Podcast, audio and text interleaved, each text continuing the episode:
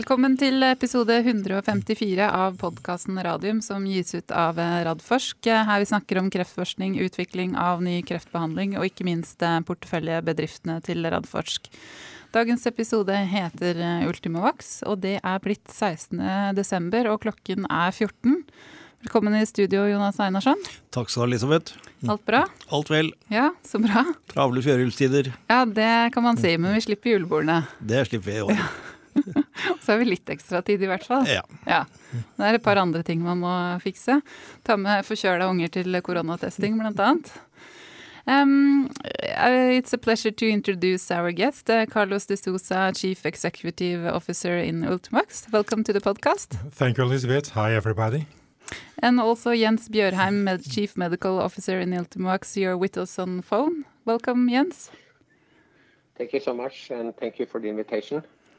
Good to have you here both. Uh, we're looking so much forward to getting uh, into all the latest news uh, that has happened with uh, Ultimax, but uh, we will have our news uh, first. So we switch to Norwegian and then back to English again a little bit later on. Um, Jonas, aktuelt skjedd siden sist. Uh, Vaxibody de klinka jo til med infeksjonsstrategien sin. Og de driver jo sannelig og utvikler en covid-19-vaksine. Ja, du var er, ikke kjempeoverraska, var du det? Nei, jeg var ikke det. Eh, men jeg har sagt og gjentar at det er ikke noe som kommer i dette første løpet nå. Men, men de er jo tydelige på at det vil være behov for en, eh, en eh, neste generasjon vaksine. Mm. Og da vil, ser det ut som, de har sine klare fordeler. Men det kan vi vel snakke litt mer om i neste podkast. Ja, og den kommer allerede i morgen. Og da er det så hyggelig at vi skal få med oss både Agnete Fredriksen og Gunstein Norum til å snakke både mer om strategien, men også denne de kaller det en andregenerasjons covid-19-vaksine. Ja. ja. Eh, hvis det er noen som har eh, spørsmål til de, så må dere gjerne sende inn. Det er fremdeles eh, tid til det. Eh, og så må vi nevne at eh, hele tre av våre porteføljebedrifter er blant de ti bedriftene innen helse som har fått eh, støtte fra Forskningsrådet nå.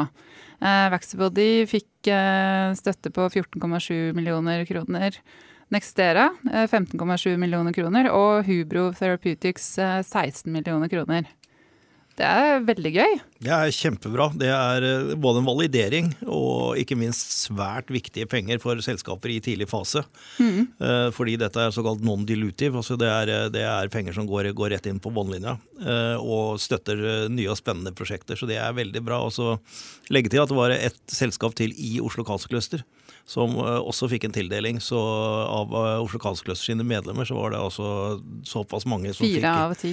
fire av ti. Så det er, eh, det er, veldig hyggelig. Hvilket var det siste selskapet? Adju Adjunct Pharma, tror jeg det heter. Ja. Utvikler en, noe som kan hjelpe til med resistens mot antibiotika. Mm.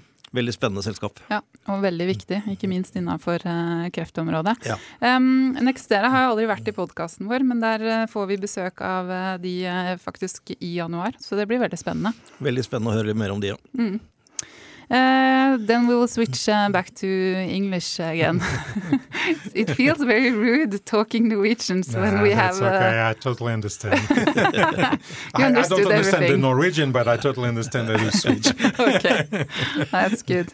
Uh, because yesterday it was the DNB Nordic uh, Healthcare Conference, uh, and you had an introduction to Ultimox there, as well as six other of our portfolio companies, Jonas. And Actually, you were just uh, interviewed by the DNB podcast Utbytte about this, so um, I suggest our listeners to actually listen to that podcast. Yeah, yeah. we com commented on uh, Ultimovacs, Vaccibody, Targovax, and generally about uh, the sector, so mm. listen to that, yeah. Yeah, mm. but this was your first time at the DNB? Uh, yes. Yeah. Yes. They were a bit strange then.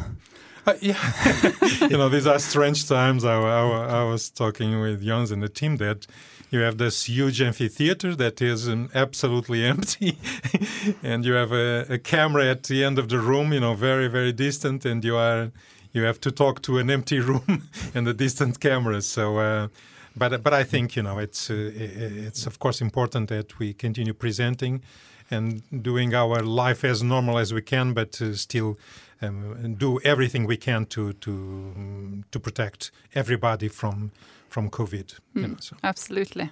But for all- for us uh, who usually goes to the DNB conference before Christmas and has been doing so for the last ten years or something, we, it was uh, quite different. But it was good.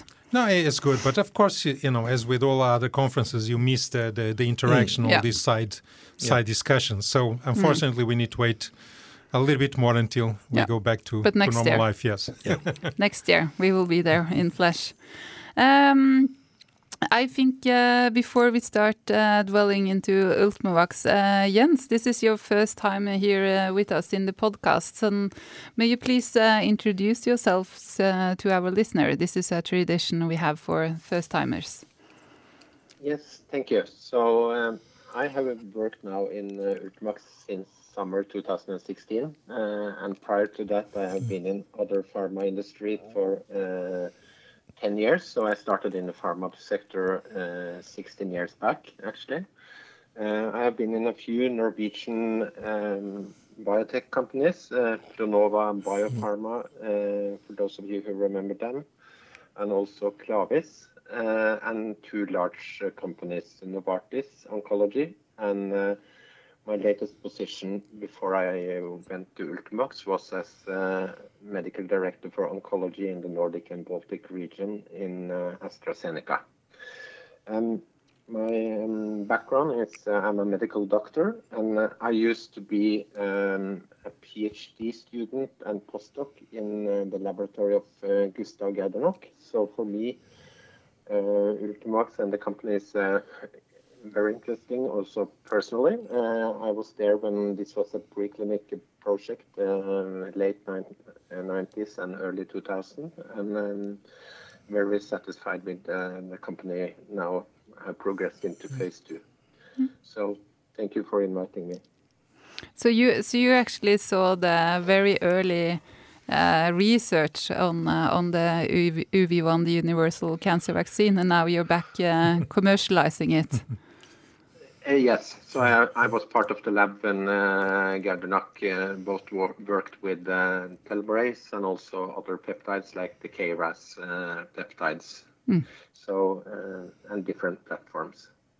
Oh, that's very good. I didn't know actually.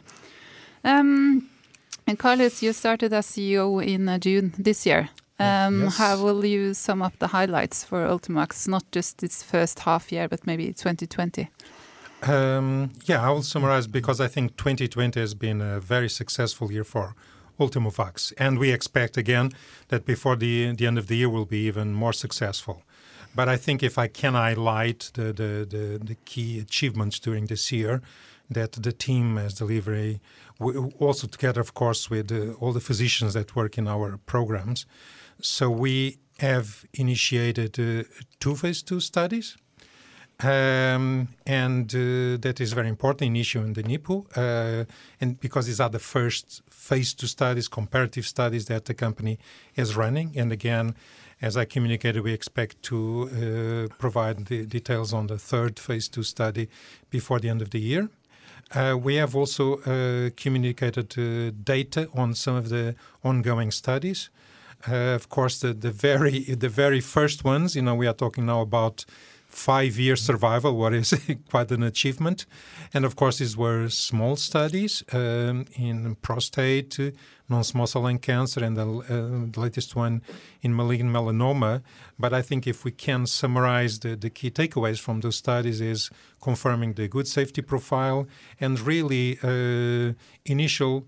Uh, signs of efficacy that of course were also supporting uh, moving along and that's why also we have a fourth phase one study, the study in melanoma where we combine with ipilimumab, uh, with pembrolizumab, sorry, uh, and that we also had the, the first data coming out of that study, you know, uh, for the first cohort.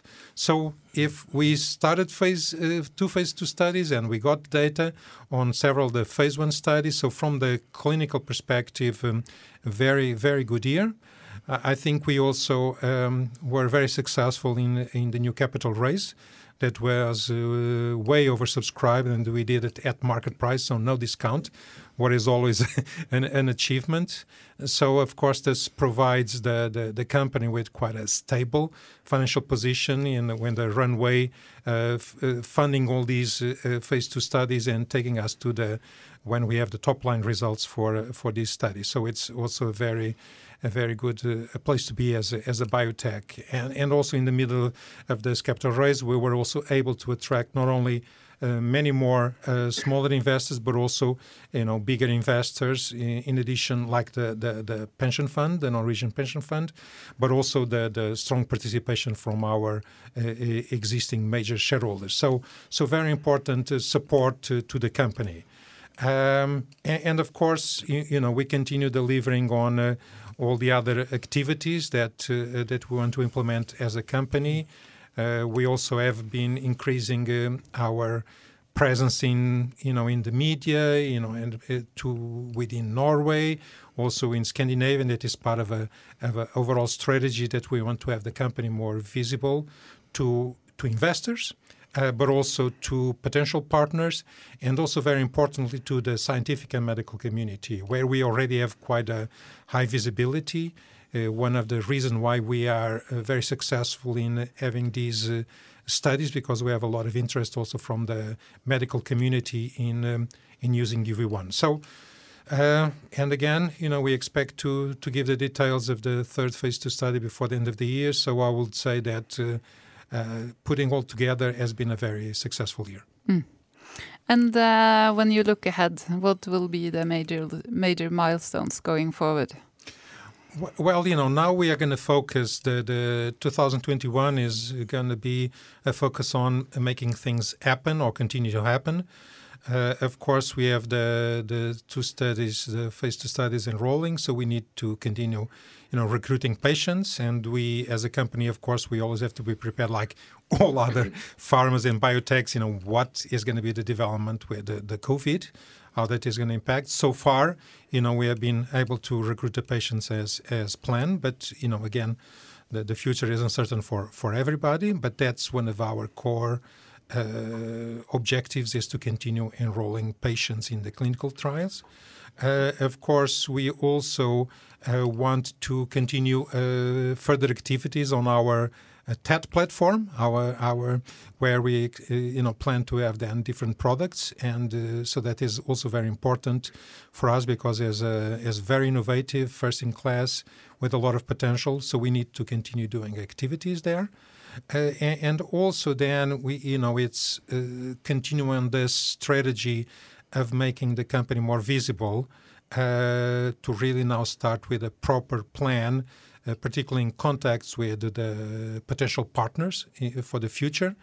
Uh, and also one of the reasons why we recruited uh, Ton Berkien as the chief business officer. Mm-hmm. You know, as as everybody know, I you know I'm uh, a lot of my a lot of my past experience has been in business development as a negotiator and leading uh, global teams. But of course, you know this this is an activity that is way too important for the company, uh, and I don't have time for that. So we really need was important to recruit a dedicated, uh, um, you know, a resource for that.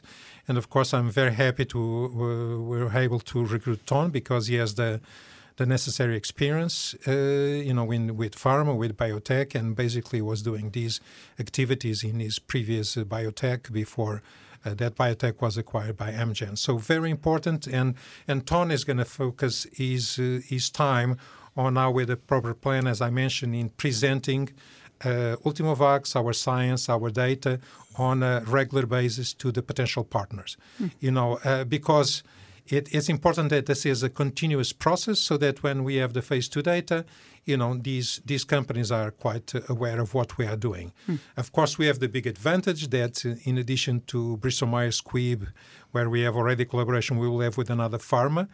This works as a validation of our science because these pharmas don't do this type of collaboration, collaboration so easily these days. Uh, but of course, we want to include all the the pharma companies that are operating in this field in this regular and continuous contact. So this is one of the focus that we're going to have in the what we call the business development uh, development area. Another very important is to to make the company also more known to investors. And when I talk about investors, I'm talking about larger investors that are uh, potentially then uh, we are going to be involving them in the future, you know, if, if we need another uh, capital raise. And this is when we will be expanding geographically, talking talking with these funds, uh, you know, specialist investors. Uh, and as of course, this is like with every process, you need to meet with them several times before before you need them. So that is also going to be a focus of the company. So increase visibility to eh, you know we are going to continue with some of the activities that we already did in the media to you know we will look how the, the, the covid situation evolves but we also want to get closer to our current investors know and organize some events but we need to adapt that to the situation. But then also uh, with um, uh, larger investors in a more geographic diversity and with uh, potential partners. Hmm. Uh, so I, I, think that is going to be uh, running the clinical trials and making those move, making the company more visible, and continue also working, of course, on our second platform, the TET platform. Mm. Good. Good to hear. Um, I actually forgot to take our disclaimer. Shame on me. well, I'm, I'm, i should have done that at the first thing when I started the podcast. But uh, I'm, disclaimer. I'm still a chairperson yeah, of uh, Ulfbox. Yeah, so uh, I will not ask uh, Carlos any tricky questions today. but do you have something to add? Yeah, uh, he forgot one thing that's very important for Ultimovacs. That we hired a new CEO in uh, in June. That's also very important for mm. And we see that he also was able to get Ton Berkien, which I actually think was very, very good that he that Ton really wanted to come over and, and work with us. So uh, I think that's a good achievement. Mm. Yeah, he seems like uh, quite a hotshot yeah. from his uh, resume. Yeah, good. Yes, and of course here, you know, it helps that I worked with uh, Ton in the past, you know, mm -hmm. so I know him. So that of course makes uh, gives us a little bit more certainty for us because it's always the question. So I know that uh, uh, you know he can deliver, and of course he is also uh, excited by, by the project. Mm -hmm. You know, what is also very important, of course. Yeah, good. Um, if we go to the technology, uh, you you are developing a universal cancer vaccine named UV1. And um, in your clinical program, you're combining the vaccine with checkpoint uh, inhibitors because the theory is that uh, UV1 has the potential to improve the effect of, uh, of these. Mm-hmm. Um, I was thinking, Jens, maybe you can explain the biology here, please, and how you measure these uh, responses in cancer patients.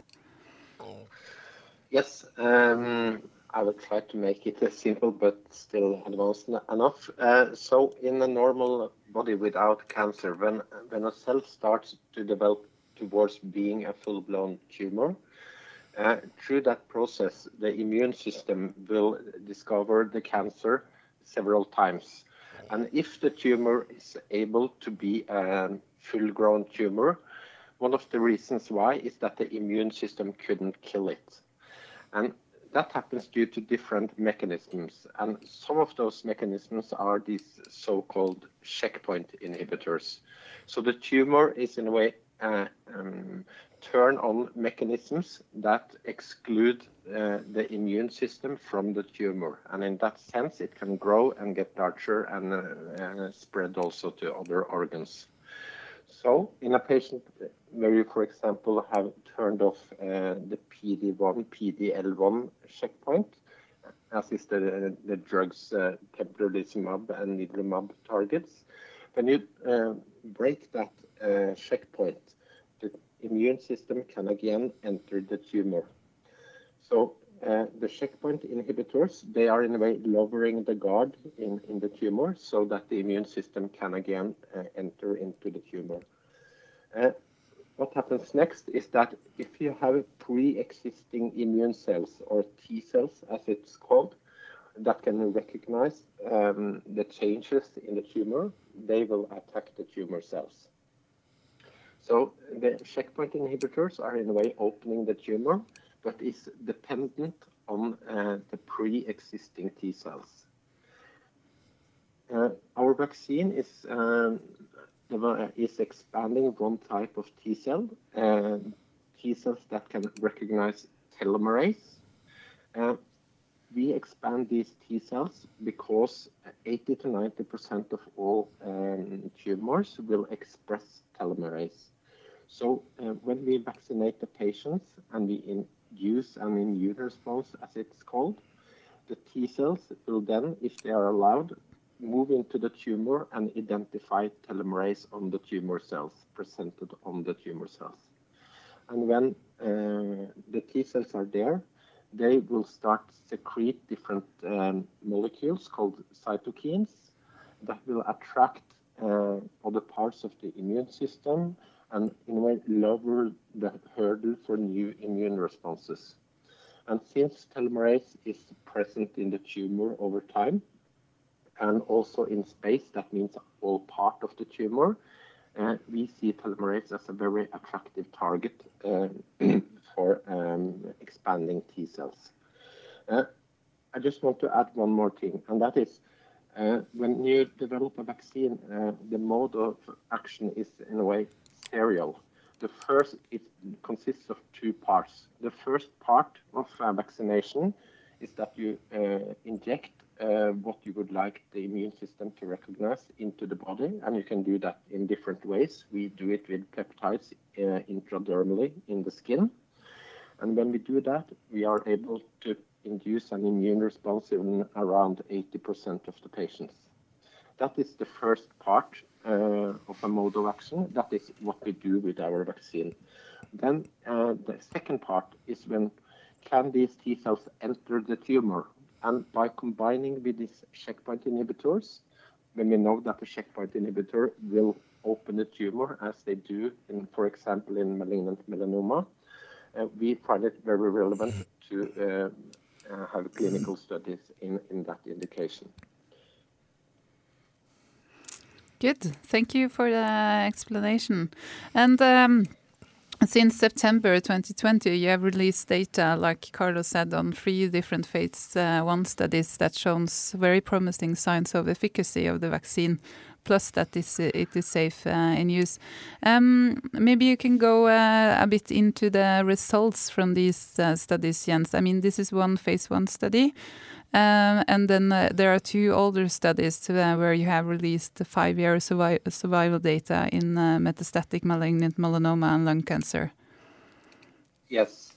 So all these three studies were performed at the Norwegian Radium Hospital. Um, and uh, the first one started in 2011, actually, uh, two of the studies, and one study in 2013. So it's really time now for long time um, uh, data.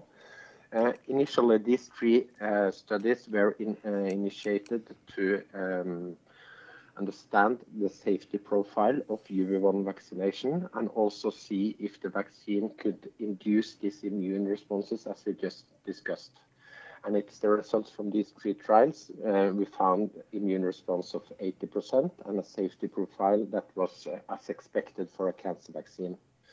Uh, we used these first results to discuss with authorities, uh, with the FDA, summer 2017, and opened an IND uh, in the USA uh, for further development of, the vaccine. So the initial results from these studies were um, good. We had a nice or fine safety profile and also good immune responses. And also on the efficacy um, side, remember that these three studies are quite small, 52 patients in total, but still uh, uh, all safety, all efficacy uh, signals throughout the years has in a way been on the positive side as compared to historical controls. It's very tricky to compare with historical controls. They, uh, historical controls uh, could have been performed at different institutions, etc. So, um, um, but it, it, may give some kind of indication of uh, the efficacy.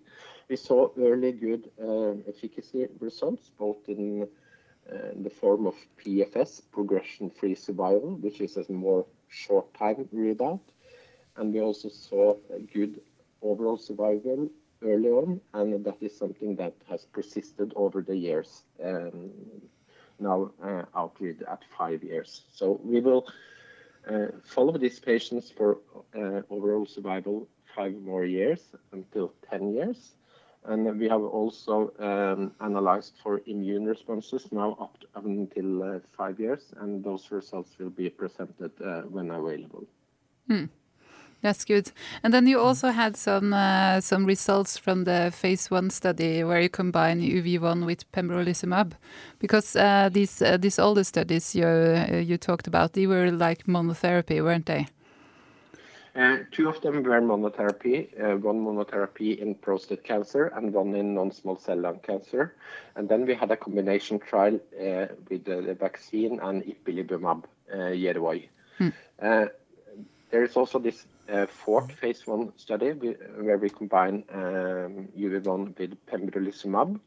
And uh, that study was initiated also to understand the safety profile between a PD-1 antibody, uh, pembrolizumab, and our vaccine. And by doing this, we uh, have in a way uh, the safety profile with the two of the most relevant checkpoint inhibitors, both Yervoy and PD-1. And um, as you know, uh, the combination of uh, these three drug classes are um, the one we use both in uh, INITIUM and the NIPU trial. Mm. And I, think we will go over to talking more about these two studies now. They are two phase two studies, randomized studies, um, INITIUM and NIPU, and they both started this year. And then uh, if you look at the ongoing clinical program, you even have more uh, studies. You will have you have this uh, what we call here in the studio the mystery study. it has its own name here. And then uh, you also uh, will have this new phase one study with the next generation cancer vaccine, the TET platform. Yes. Um, and so uh, we have to talk about the mystery study before we go into the INITIU and NIPU because the mysteries are always the most more exciting. So Carlos, uh, what can you tell us now and when will we know more? Um, well, I, I, cannot uh, totally clarify the mystery because you know we want to keep all this excitement ongoing. um, but um, as I mentioned also yesterday at the presentation, so this third phase two study is going to be, you know, uh, similar to the NIPU study, a collaboration in this case with a very large and uh, and top uh, cancer centers in in the specific indication. So very very is going to be a very important partnership there, but also the advantage that uh, you know, a large pharma will also contribute to this collaboration. So we will be providing UV1 to this uh, uh, uh, network of investigators, and the large pharma will provide the two compounds, and and then you know they, they will run the study. And as I mentioned, uh, this this fits several of our requirements in doing new projects. So will be a different indication, uh, and in combination with different classes. And this is one of, also as we look into the future, what we want to show with UV1 is that we can really be at the base of the treatment. So we can be combined with different classes of drugs uh, because UV1, in a way, as Jens mentioned, telomerase being expressed in the in the cancer cells. Uh, you know, as long as the cancer cells, the type of cancer that express telomerase, we can be used. And then, depending on the indication, we will be combining with different classes, which classes are more useful in that specific indication. And that's why it's so important for us to really optimize the value of UV1 that we can show that we can be combined with different classes of drugs in different indications because this again strengthens this profile that we that we claimed of being a universal uh, cancer vaccine. Good. And uh, when may you reveal the mystery? Well, the, the mystery, you know, again, we, we continue to keep our guidance that we expect to to give uh, details of um, of the of the study um, until the end of the year. You mm. know, still, still during this month. Yeah. So before New Year's. Before New Year's. Yeah. Good to hear. Um, maybe Jens, you can uh, tell us more about the INITIUM and the NIPU study and especially um, if you can comment on recruiting of, of, patients and how that is progressing, since we know this has been an issue due to the pandemic. Yes, uh, so the INITIUM trial um, is the Ultimovacs sponsored phase two trial in uh, malignant melanoma. It's uh, started to recruit uh, patients uh, in June this year. At the last quarterly update, 12 patients were reported to be included. Um, that was in the middle of November. Uh, for the NIPU trial, the NIPU trial is uh, a trial in mesothelioma. Uh, second line mesothelioma, that means that the patients have received chemotherapy and got worse after that treatment, and then they are uh, included in the NIPU trial. Uh, in that trial, uh, inclusion was started in um, also in June this year, and six patients were included mid-November. So for both these trials, uh, this expected readout uh, in these trials will be uh, still second half of 2022. There is no change in guidance here.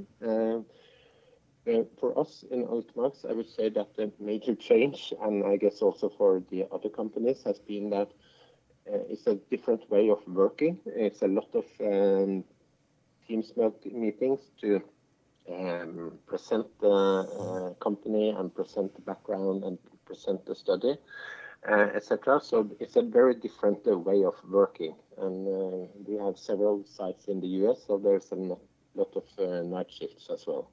But um, as of now, uh, these studies are progressing um, uh, in such a way that we are, have not changed uh, the guiding uh, for the readout.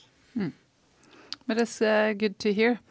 Um, I was thinking uh, strategy going forward. I know you touched upon this, Carlos, in the, the Q3 presentation. Uh, when it comes to to filing and, and getting the market approval for uh, UV1, um, can you can you reveal a bit uh, more about that? Well, you know, our strategy again, as as with all drug development, is to to run a full a full development program. This means, you know, phase one, we are now in phase two, there will be a phase three, and then you file. You know, the, this is the, the standard process. Uh, of course, particularly in cancer, sometimes, depending on the data, um, you, you, know, you can discuss with the authorities what is called, depending on if it's the FDA or, or in Europe, you know, a conditional approval. Uh, this means that uh, you still need to run a phase three um, as expected to, to confirm, but you can potentially commercialize in in that in indication earlier. But of course, this is just what we call, you know, an upside. You know, this is something that companies cannot promise because it's depending on data and discussion with the authorities. For us, is more important as we communicated. You know, the the the, the, the main goal and strategy is to after the, we have the results from these different phase two studies, uh, to to enter into a collaboration with a large pharma. And why is that? You know, of course, as a company, we need to be prepared to continue if we don't get the right partnership. But uh, you know, if we enter into a partnership with um, uh, with a large pharma, of course they can run because they have the the, the, the, the resources and the money. They can uh, move into phase three with different indications. And that is the part where something that we cannot as a small biotech. So that, of course, increases the potential for the for the product and of course for patients and our shareholders. Uh, and so this is a big a big advantage. And so what we are doing as a company is to basically do everything that we need so that uh, UV1 is at the right time with the right profile that is most most appealing to a collaboration. This means having the data from the phase two, of course, that you know we need to continue running. That we have uh, done all the other preclinical studies that we need to do before we need to start a phase three. And very importantly, that sometimes people forget about it, is that you also need a product that you can uh, treat the patients with when you move to phase 3 mm-hmm. And here, you know, during the the early phase of development, you have what you call a development process. But when you move into phase three, you need to have what is called going to be the commercial process. So as to be uh, the drug has to be manufactured the same way as when you launch it, and this requires uh, very big investments, but of huge value.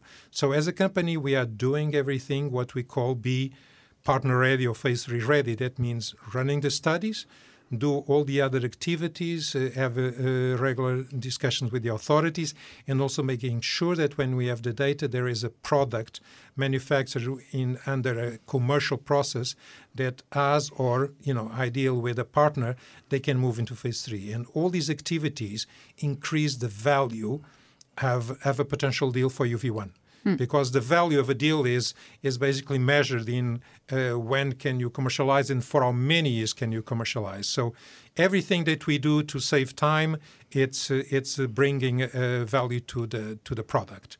So so we are that's all we are doing. But of course, has been uh, has been explained. You know, of course, most of the biotechs you know, we look for a partner. I think that that can maximize, you know, uh, previous collaborations, uh, other deals that we saw of big pharma with other biotechs. They they suddenly started 10, 12 phase three studies. You know, there's definitely something we cannot do, but any of these large pharmas can do, and that will increase the value. But you know, we would not be doing our job if we wouldn't be prepared as a company to uh, run the, these studies ourselves in case uh, we think we think that is at that time is the most beneficial or the deal is not right and we are prepared for that you know Good. Do you have something to add, uh, Jonas? No, I think uh, Carlos explained the strategy uh, of the company very well, and we have sort of tried to build this uh, stone by stone. And uh, Jens has been uh, with us all, all, all the way and uh, has a very good experience in in this area. And uh, our goal is to be ready when we have the data. Call it partner ready or phase three ready or whatever you do, or talking to the authorities about uh, conditional approval. But we have to be ready for that, and that's what Carlos and his team is doing now. Uh, would it be possible to say something around uh, the time when you can expect uh, UV1 to be ready to file to get the market approval? you know ve- very difficult to say at the moment. You know I, I don't I don't think any company can can give you that. I, I- think you know the the, the the the key part here is that we do everything to so that we get to that point you know the earlier the better. But I think here also it's important to understand that you know uh, particularly you know we get this question a lot from our shareholders you know what we look here as as the return is is to have a good licensing deal you know and uh, and for that we need to be prepared. And then of course this is the part you know what is the data that we are getting? You know how is are we going to do it ourselves? Are we going to do it with the partner? And all that as uh, then impacts the on these timelines. But from a perspective of um, return uh, you know the, the the first point in, ter- in terms of uh, return on the investment will be a potential deal you know what would expect of course to be a, a large deal. And then also you have, um, I think maybe you can call it a new platform, platform technology, the TET uh, technology. And there, there you are starting a new study now, a, a first-in-man study actually, called, named uh, TENDU at the Radium Hospital uh, in prostate cancer patients. Um, maybe you can tell us a bit more about this study, Jens, and uh, what's the rationale behind the studies? Yes, so this is uh, exciting time uh, times for us as well. Um, this is a first-in-man study, uh, the first uh, clinical study coming out of uh, the TET platform. Uh, the study is called TENDU. Uh, it's a phase one study in prostate cancer patients. Um, it's a so-called dose finding study. There will be different doses for different patients so that we can understand the safety profile of uh, this drug uh, at different dose levels. And we will also measure immune responses. Uh, the study will be a monotherapy study with uh, with the TENDU uh, molecules uh, only, and that is very good for us to really understand uh, the monotherapy effect, safety of, of the molecules.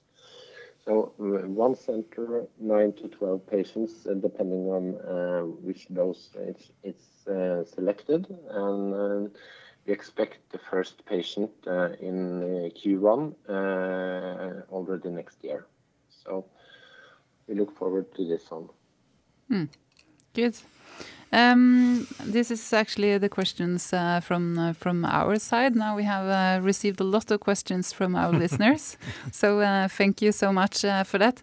And actually, the first question is about the tech uh, tech technology that you acquired from Imenid some years ago, and and the listener. Um, asked i want to read the whole question because the question is really long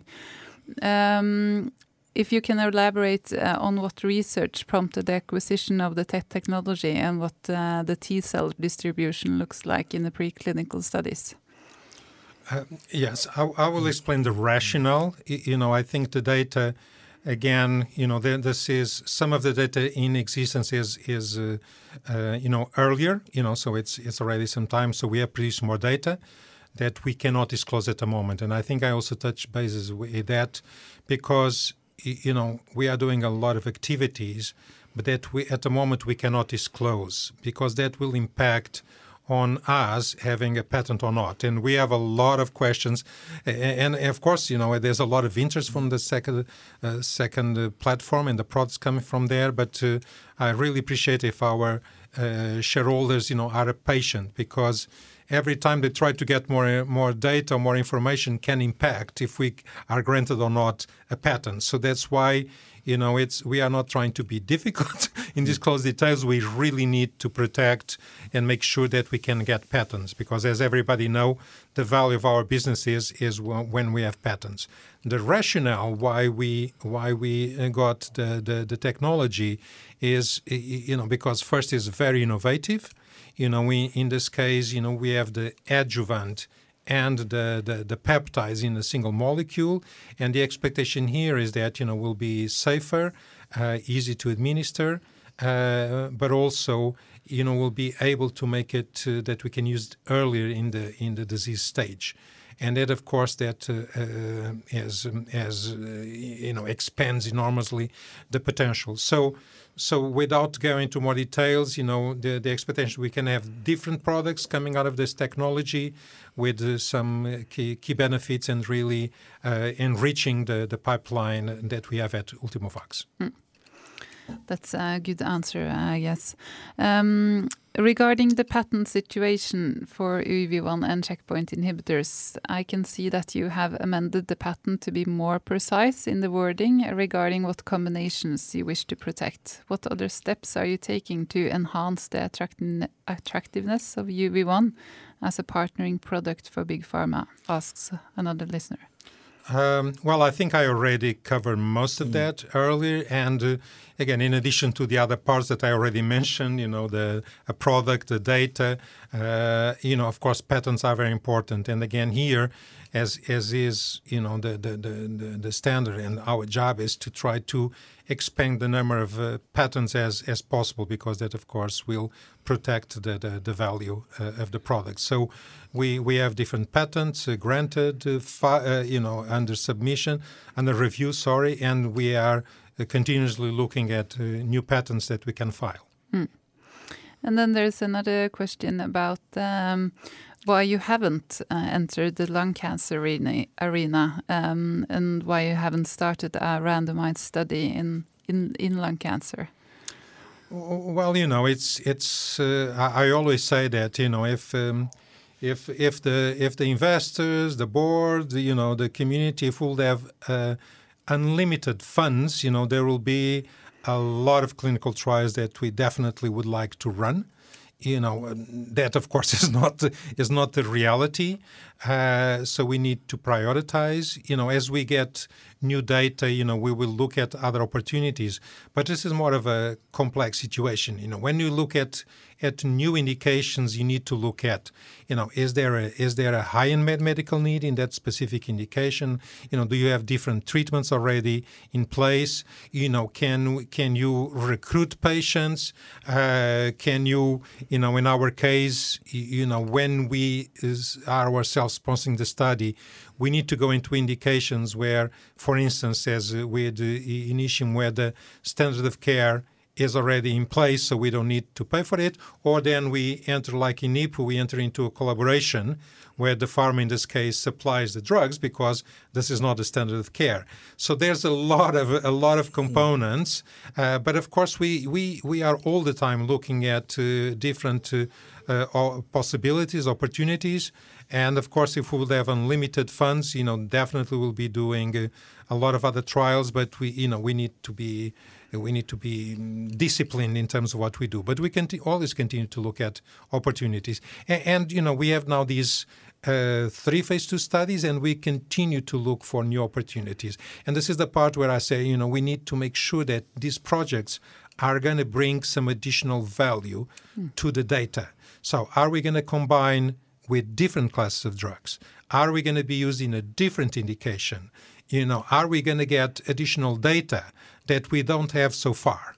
And if we start checking all these boxes, then we can justify having new projects. Uh, but but it's something that we are doing in a continuous basis. Mm.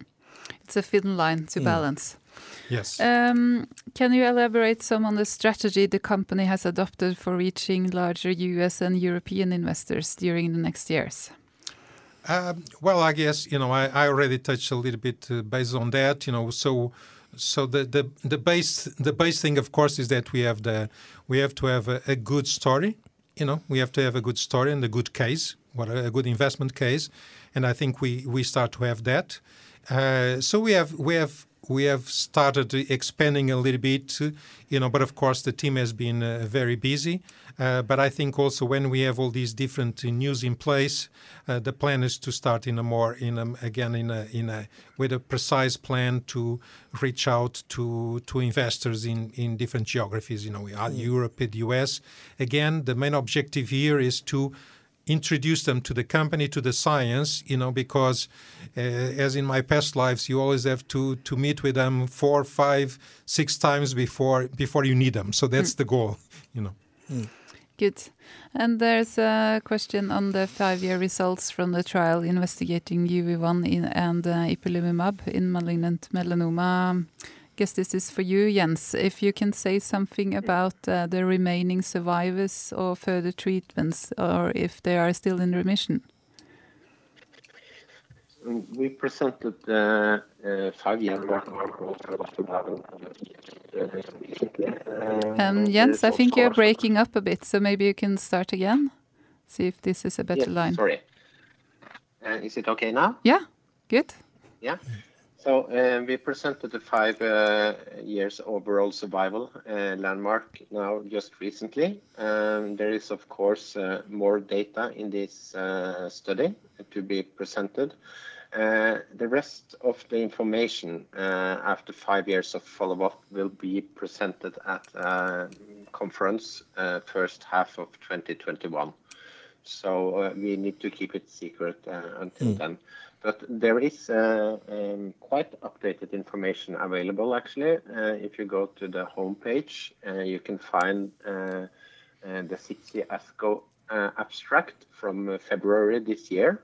And that abstract also includes information about um, baseline characteristics and what is done with the different patients over time. Mm. Good. So a conference uh, during the next uh, half year, or you can go into the website now. Um, yeah. Then we have uh, another question. Uh, can you comment on whether the company have considered or might consider changing its listing from Merkur slash Euronext Growth? Vaccibody, for example, have signaled that the change of listing is likely and slash or natural route in order to reach more investors and be among more relevant peers. I, and who I, will answer that question? I, I, will answer that because sometimes you know we get these questions, and and and I you know I really appreciate this question because it gives me the opportunity to clarify the situation because sometimes there's a little bit of confusion.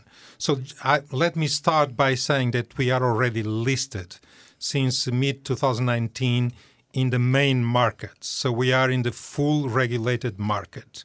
Eh, but I think here is important to just you know so so there are no no confusions. You, you know, you had before the the move now to the Euronext, you had three markets in Norway. You had uh, what is called an unregulated market. It is the Merkur market that now, with the move to Euronext, is the growth market. So this is what is called an unregulated market. And then you have two other markets: the previous Oslo Axess, that is now the um, you know Euronext Expand. Uh, this has only uh, 19 companies. In the in the Merkur now growth has 68 companies. Uh, the Axess is already a, a, regulated market, but then the full regulated market, that is the Oslo Børs, you know, the main market that has 286 companies. This is a, a, fully regulated market. And, and I, I emphasize this because this is important also to answer the question. You know, when uh, we are talking to investors, there are a lot of the big funds, uh, specialist investors, you know, they can only invest by their regulations, they can only invest, a majority of them, if it's a fully regulated market. So not even the Axess. You know, we are talking about the main market. And, and why is this? Because it's a regulated market, so they know that the company needs to operate within very tight regulations. There is the proper governance. There is a board in place. You know, there is you know all these uh, procedures in you know protecting from insider trading. You know that we file. We use the the uh, proper accounting system. So this is very important if you want to attract and and being uh, and for these funds to invest. And we did that. So the company did a very good decision already back in 19 to move directly into the main market. So so there is no confusion. You know, Ultimovacs is listed in the main market, Oslo Børs, you know, Euronext main market. Mm. What is mm. fully regulated. Good.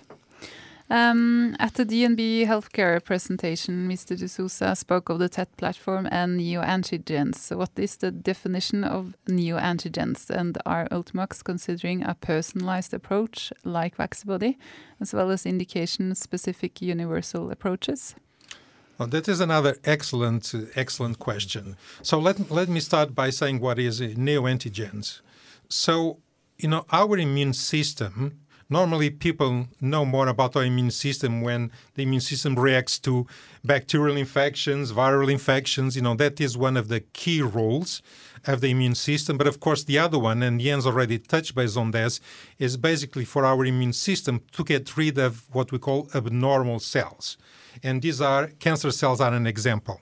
So all of our cells express antigens that basically is kind of a, a barcode identifies that these cells are part of us so that the immune system doesn't kill our own cells. So, um, cancer cells then changing these proteins, these antigens, and they create what is called neoantigens or neo or new antigens that are not that are not our proper our self antigens. So this is uh, why why uh, people have cancer. So is when when you start getting these differentiations, these mutations, that then these cancer cells express new antigens because these are new, these are not the antigens that we all have that makes us our individuals. So this is new antigens. So, you know, I'll, without, I will not going to talk specifically about Vaccibody, I will talk about in general. So then you have different approaches how to um, prime or activate immune system you know, and here more than personalized, because I think this is important, you have what is called more individualized approach, because this is a truly individual. There are different companies that are individualized approaches. This means that, for instance, they need to do biopsy of the patient, identify in the cancer cells what are these neoantigens, what, which neoantigens these cells are expressing. They need to select the ones that are more important. Then they need to create a vaccine, and then they inject back to the patient. So for that specific patient, this is it can be very successful. But as you can already imagine, is not a kind of a mass usage because you need and it's very costly and and uh, you know of course there are companies that are trying to optimize this. But this is truly an individualized approach because it's for one specific patient. Then you have more what is called personalized, and here you can have a diversity. We start as a universal vaccine. That means that we don't need to do any biopsies. You know, the vaccine is ready to be administered, is what we truly call off the shelf. We don't need to do any matching. Other approaches, you need to see if the patient has the right match. So we have a truly universal vaccine to start. But after we inject the vaccine, then becomes personalized because then each patient, that patient is going to is going to use that vaccine to then personalize the response to the cancer cells. And this is why it's important to separate between personalized and individualized. So our approach so is is easier because we don't need to do any matching. You know, it's ready to be administered. And as as Jens explained, also because we target telomerase that is specifically you know expressed by these cancer cells and 85 90% of them express this telomerase so we have quite a very broad usage. So uh, so that, that that explains a little bit part of the difference. So it's it's easy to produce you don't need to any specific matching and we target a multitude uh, of cancer uh, trials um, types and this is also touched by Jens because uh, you know, cancer, uh, the cancers can have different mutations within the tumor.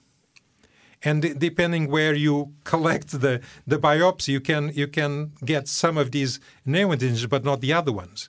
But with us, the cancer cells will always be expressing telomerase because telomerase is their immortality mechanism. If they stop expressing telomerase, they will continue to divide and die. So it doesn't matter in what part of the of the tumor, being the prime, the main tumor or the metastasis, they will always be expressing telomerase, and that is one of the big advantages and that we have uh, with UV1. Mm. Because also, as Jens mentioned, then we can use UV1 from the early stages to the late stages of the disease. Because again, the moment these cancer cells select telomerase, then we will always be expressing it. Mm. Good. Nicely explained, Carlos. we have uh, one final questions. Um, there's been several questions from this listener, but I think we touched upon the others. So, is it now and in near future? One may suppose it will be exciting and hopefully lucrative being a shareholder in Ultimovacs. well, you know, I cannot, I cannot, I, I can comment that it's definitely exciting, and we expect to continue to be exciting. If it's going to be lucrative, I think you know that is an individual decision. You know, I'm I'm a shareholder, so I also expect it will be lucrative, but I cannot I cannot comment on that because, of course, there is a, a lot of uh, variance here. But I can tell you, and that I can confirm that it is a very exciting project. It has been a very exciting year, a very successful year. We expect to continue to be exciting and hopefully successful. And if it's successful, then of course, you know, we are going to bring a different in terms of uh, giving uh, treatment alternatives to cancer patients. And of course, if we bring valid and good alternatives to treat cancer patients, then of course we are going to bring value to our to our shareholders. You know, and and mm. and hopefully they will get uh, a return on the support that we very much appreciate. Mm. You know, because is every biotech you know depends also on the on the, the, the loyalty and the, the support of their shareholders to continue uh, delivering on on what we are doing. And I always say, as a physician, you know, uh, and the reason why I'm very excited to be with Ultimovacs is because what we do, as if we succeed, as we continue to be optimistic, will make a difference in the treatment of patients. Mm. And myself, as an individual, also like to be associated with projects that will make an impact on on patient lives, and and that is very exciting. Mm. Do you have something to add, Mr. Chairman of the board? I can confirm that it's a very exciting project, uh, and I think we really have moved uh, Utmark's uh, very well uh, from the preclinic into the clinic and now into a, a, a phase two uh, company. Uh, and we'll be looking forward to seeing the data. That's everything is about the data. So we can't. We have some good indication and some good rationale for why we got the money to go into phase two and do these phase two studies, and then we have to to wait for the data. But uh, I'm very excited and following the company further on. Mm. Thank you so much for uh, being with us today, Carlos and uh, Jens on the phone. Thank you, and also thanks to all the listeners for all, all the questions that were very very good and allow us to to to provide some more clarity and some points. Da er vi tilbake igjen i morgen med Vaxibody. Det er vi. Ja, det gleder vi oss til. Ja, det Takk for i dag. Takk for i dag.